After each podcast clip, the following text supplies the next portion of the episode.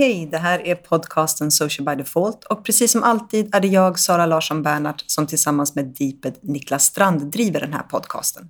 Det här är det femte av sju specialavsnitt som handlar om insiktsdriven strategi eftersom både jag och Niklas läser en kurs om just detta på Bergs. Och idag har vi avslutat kursens femte omgång.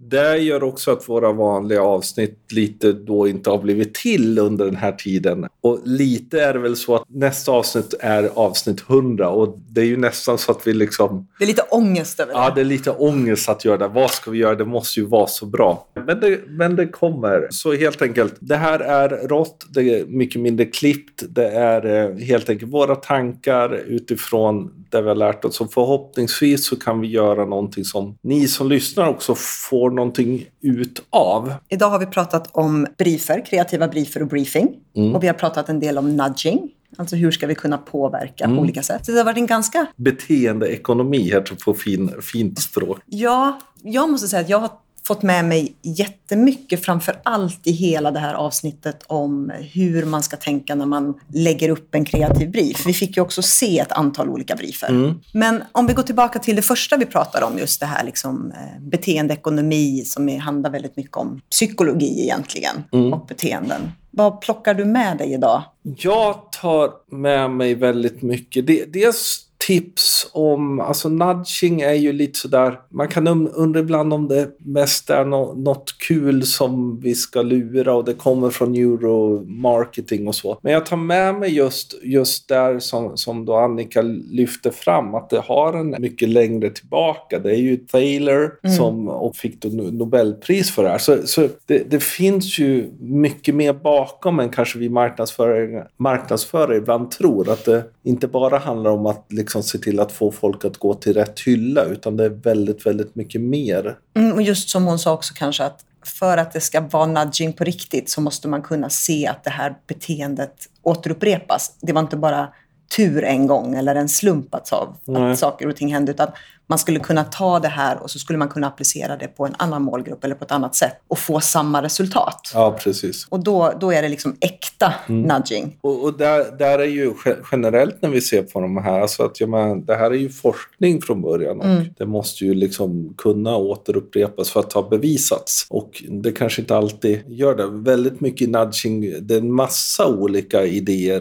runt det men det är inte alla som är reproducerade. Nej, och det har ju blivit kanske, jag älskar ju det ordet, jag slänger väl mig lite högt och lågt med det ibland, men det har väl också blivit väldigt mycket uppe på tapeten nu. Och då finns det risk att det kommer in massa fler saker så att man någonstans kanske urvattnar själva fenomenet eller den äktheten som det handlar om. Ja, samtidigt vad är det? Och det finns väl också en etisk aspekt i det också som, som man kan fundera över. Det, för jag menar, det handlar ju om, nudging handlar ju om verkligen att utnyttja att vi är emotionella men vi är också förutsägbara som människor och som kund.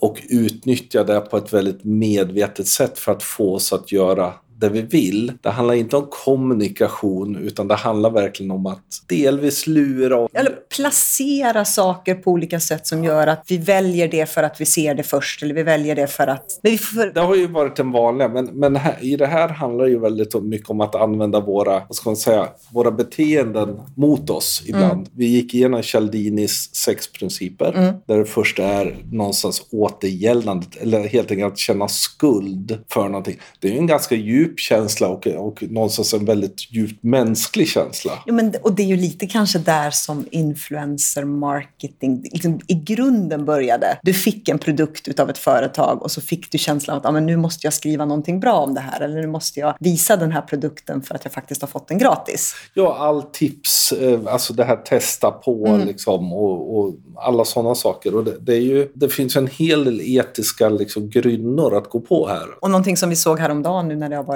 både Black Friday och Cyber Monday och så här, just det här att en av de andra principerna då just knapphet eller scarcity. När man upplever att någonting finns i en väldigt liten upplaga eller under en väldigt kort begränsad tid, vilket gör att man kanske skyndar sig att köpa. Mm. Jag väntar ju fortfarande på en blus som är very, very VIP, som inte finns. Enbart Nej. för att den är sådär väldigt där, speciell. den där hänger ju sen då ihop med massor med liksom också grupptillhörigheten som, som det hänger ihop med fear of missing out. Så jag menar även om man då tycker att ja, men det där gäller bara produkter, men det gör ju inte bara det. Men jag funderar på de här princip, principerna. Är det så att man väljer ett spår eller en riktning eller kan man kombinera det här på lite olika sätt så att man får liksom en ännu större påverkansgrad? Ja, men och det här är ju bara sex stycken principer som bygger på väldigt mycket psykologi. Sen har du ju massa ytterligare principer som finns i alla andra böcker. Eh, men det är klart att du kan välja flera olika och kombinera dem för att verkligen nå. Men det måste ju också samtidigt finnas en logisk mm. följd gentemot hur vi faktiskt fungerar. För jag tänker lite grann på, om, om vi ska titta på vad vi brukar prata om när det gäller sociala medier och varför vi delar. Där finns det också liksom fyra ganska starka incitament till varför vi mm. delar saker. Och där är ju grupptillhörighet en mm. sak, att kunna visa sig smart eller vara mm. först. Och här har vi ju sett att om man kan kombinera en eller två eller flera av de här så mm. har man en ännu större möjlighet att få engagemang kring det. Och då tänker jag att om, om man kan lyckas, kanske inte plocka in, man kan ju inte göra allt alla gånger, för då blir, då blir det ju för mycket. Men om mm. man kan kombinera, om man får en högre påverkansgrad i kommunikation.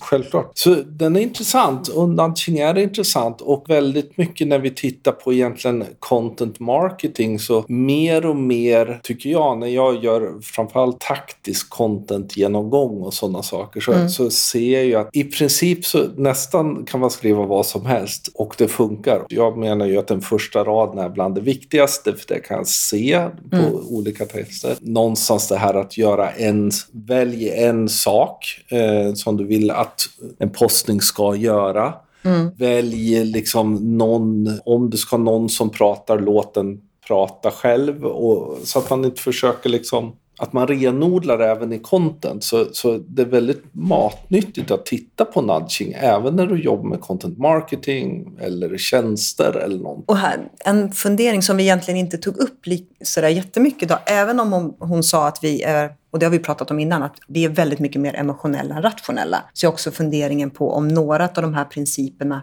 funkar både emotionellt och rationellt eller om det är så att de kanske är emotionella ehm, och psykologiska, liksom alla alla av dem. Fast de, de, de bygger ju på egentligen grund, grundtanken, tycker jag, att alla beslut vi tar är ändå emotionella. Sen rationaliserar vi beslutet för att känna att det är rätt. Mm. Och, och, de här delarna handlar ju om att ta oss till ett beslut. Mm. Väldigt sällan egentligen att rationalisera det efteråt. Sen höll vi på med någonting som, som så att säga är ju roligt och tidsödande och lite som jag påpekar att eh, jag har jobbat med samma CD i flera år och vi sitter fortfarande. Jag har hittat någon ny bra kreativ briefmall. Helt jo. enkelt den kreativa briefen.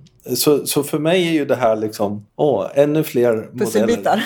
Hurra! Eller oh no. Hur var det för dig som ändå inte har jobbat med den... Jag har inte jobbat på det, på det sättet som ni har ja. gjort, självklart. Väldigt ofta har man fått någon form av kreativ brief som kanske inte alltid har känts som att den har varit djupödande. Alltså man har inte hittat allting utan det har varit ganska, ganska rationellt, ganska logiskt. Mm. Målgrupp, varför, lite sådär. Det jag upplevde idag var att man får in några andra vinklar i de här kreativa brieferna som Annika presenterade. Mm. Och framför allt insikten och att idén ska liksom födas i ett iterativt arbete när man svarar på de här frågorna i, eh, i briefen. Och det tyckte jag var väldigt spännande. Hur kommer du kunna använda det här i ditt jobb? Ja, det kommer jag kunna göra när vi gör mer övergripande kommunikationskoncept som ska gå över tid. Där tror jag att vi skulle kunna hitta en mycket, mycket säkrare förankring i det vi ska göra och framför allt kanske inte gå vilse någonstans. Att man, man blir så kär i sin idé att idén blir den som får styra istället för att kommunikationen eller den grundläggande insikten av det som våra följare kanske behöver ska få styra. Mm. Det tror jag. Jag skulle jag kan se mig själv använda en eller två av de här och faktiskt testa koncepten mm. på för att se om de håller. Och se, eller se att det finns hål i det. Men du jobbar ju ganska mycket med byråer. Mm. Du är en beställare. Mm. Vilket innebär ju att du ändå måste skriva briefer egentligen för nästintill, kanske inte varje postning, men nästan.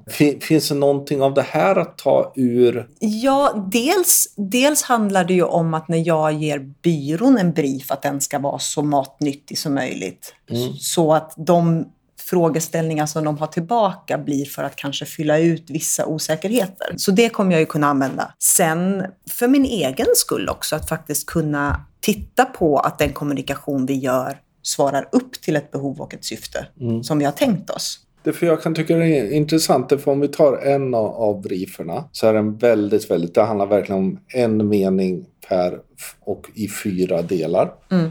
Den är då Åkesam Holst. Och de har ju lyckats ganska bra. Och någonstans liksom, vad är målet? Vad är problemet? Vilka insikter, sanningar har vi och vilka möjligheter har vi? Det kan man tycka är så ja det gör man väl alltid. Men just att sätta sig ändå och göra det. Och det kanske man skulle egentligen ibland göra till varje postning. Mm.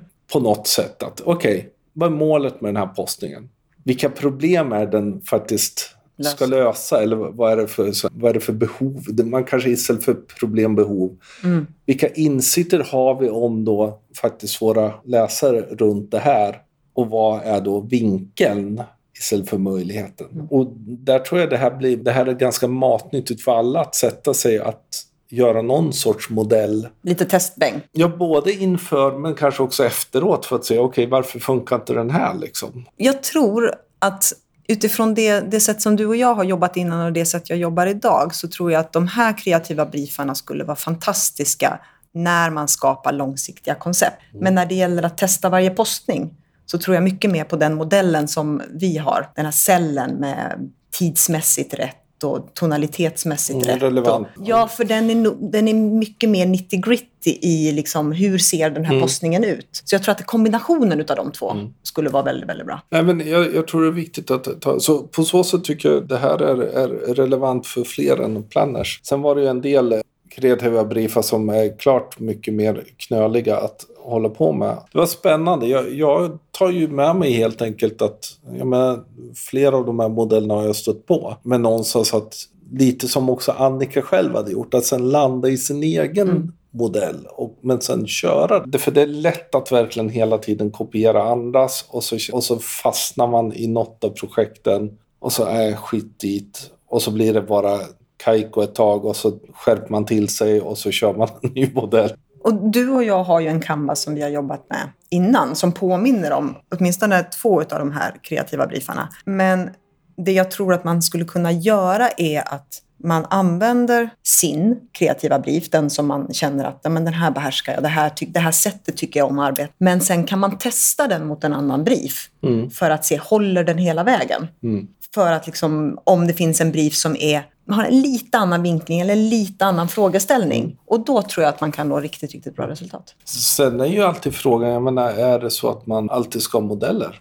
Det finns ibland att modellen hindrar, avgränsar ja. och hindrar. Ja, det beror nog på hur mycket tid man har. Jag tror att i början kanske man ska tänka fritt, men sen för att kunna landa någonstans mm. så måste modellen börja åtminstone rama in dit man vill komma. Annars så finns det nog risk att man springer åt fel håll eller att man blir så kär i sin lösning att den styr istället för det faktiska behovet. Och då tror jag att modellen är bra att, att hela tiden kunna gå tillbaka till och tänka att okej, okay, det var det här vi skulle göra, det är det här vi ska svara på, det är den här målgruppen. Och så får man, jag menar det, ju, det blir ju ett samtal som föder fram mm. någonting. Mm. För samtidigt så kan det också vara så, för både du och jag tenderar ibland att bli lite programmatiska. Så det, det, det, är sådär, nej, lösningen ska komma sist och sådär. Ja, men tänk om man har en lösning mm. som egentligen bara söker sin målgrupp. Jo. Och någonstans att ibland så blir det då att ja, men man kanske kan gå bakåt då. Man Back engineer, ja. Men vem passar den för? Mm. Det var ju också någonting som vi pratade lite grann om idag. Att i några av de här kreativa briefmallarna, eller man ska säga, stod målgruppen överst. Mm. Och den har jag lite svårt att förlika mig med, för man har en utmaning och man har, en, man har någonting man vill kommunicera eller man har ett problem. Och det kanske inte är så att det är målgruppen som styr, utan att man hittar en målgrupp utifrån det. Och det blir ju lite grann det du säger. Och där kanske man ibland redan vet att man har, så att säga, man har fått en brief från kunden som alla redan kan och sen kommer den kreativa briefen som faktiskt bygger på den. tror jag många gånger det används så. Men, men jag förstår din tanke just när man bara ser den kreativa briefen. Att, vadå målgruppen överst? Då har man ju snöat styrt in. det hela, Ja, precis. liksom. Men sen en sak som jag fastnade väldigt mycket för var när hon berättade att de hade sina war rooms som de tapetserade. Mm. Liksom de stora kunderna som de jobbade med så hade de specifika rum där de satt faktiskt och, och hade de mötena i där man hade liksom varumärke, tonalitet, målgrupp, bildcollage. Så att man gick in i den världen. Mm. Och det hade jag velat göra mycket mer. Nu jobbar jag ju inte på byrå på det sättet längre. Men Nej, samtidigt som du har det delvis, om du tänker på hur din vita whiteboard ser ut, så är det ju liksom, du, du är ju i din värld. Ja. Du, har, du har ju det framför dig, men, men just att ännu mer jobba med sådana, antagligen visuella delar som gör att man hela tiden, även om man så att säga inte jobbar med just den grejen, har den bakgrundstanken. Det kanske faktiskt era, era små affischer som ni har i ja, faktiskt är ganska bra. Att ni tänker, ni går förbi det och tänker på det. Liksom. jag ska tapetsera hela mitt rum med nästa års almanacka tror jag. Ja. För att verkligen sätta mig i rätt... ja, det är väl det. Kul dag! Man känner sig lite mosad. Du ska åka hem till Göteborg. Jag ska till Borlänge. Borlänge hoppas jag. Imorgon har jag en halvdag om optimering av innehåll. Gud vad spännande. Det är spännande men jag är lite nervös för den. Sen nästa vecka är vi här he- hela veckan i Stockholm. Det för först är det kurs, den här kursen och sen har vi Bergs. Ja. Vår 30 Tredje, 32 eller 33? Någonstans Ja, där är vi. det, vi har tappat räkningen. Så det ska bli väldigt kul. Och vi kommer ut självklart med en, en nästa tisdag också. En sån här. Absolut. Så hoppas att ni har fått med er lite matnyttigt och att de här samtalen väcker tankar hos er också. Och så hörs vi igen om en vecka. Yes, Ha det gott! hej då! Hej!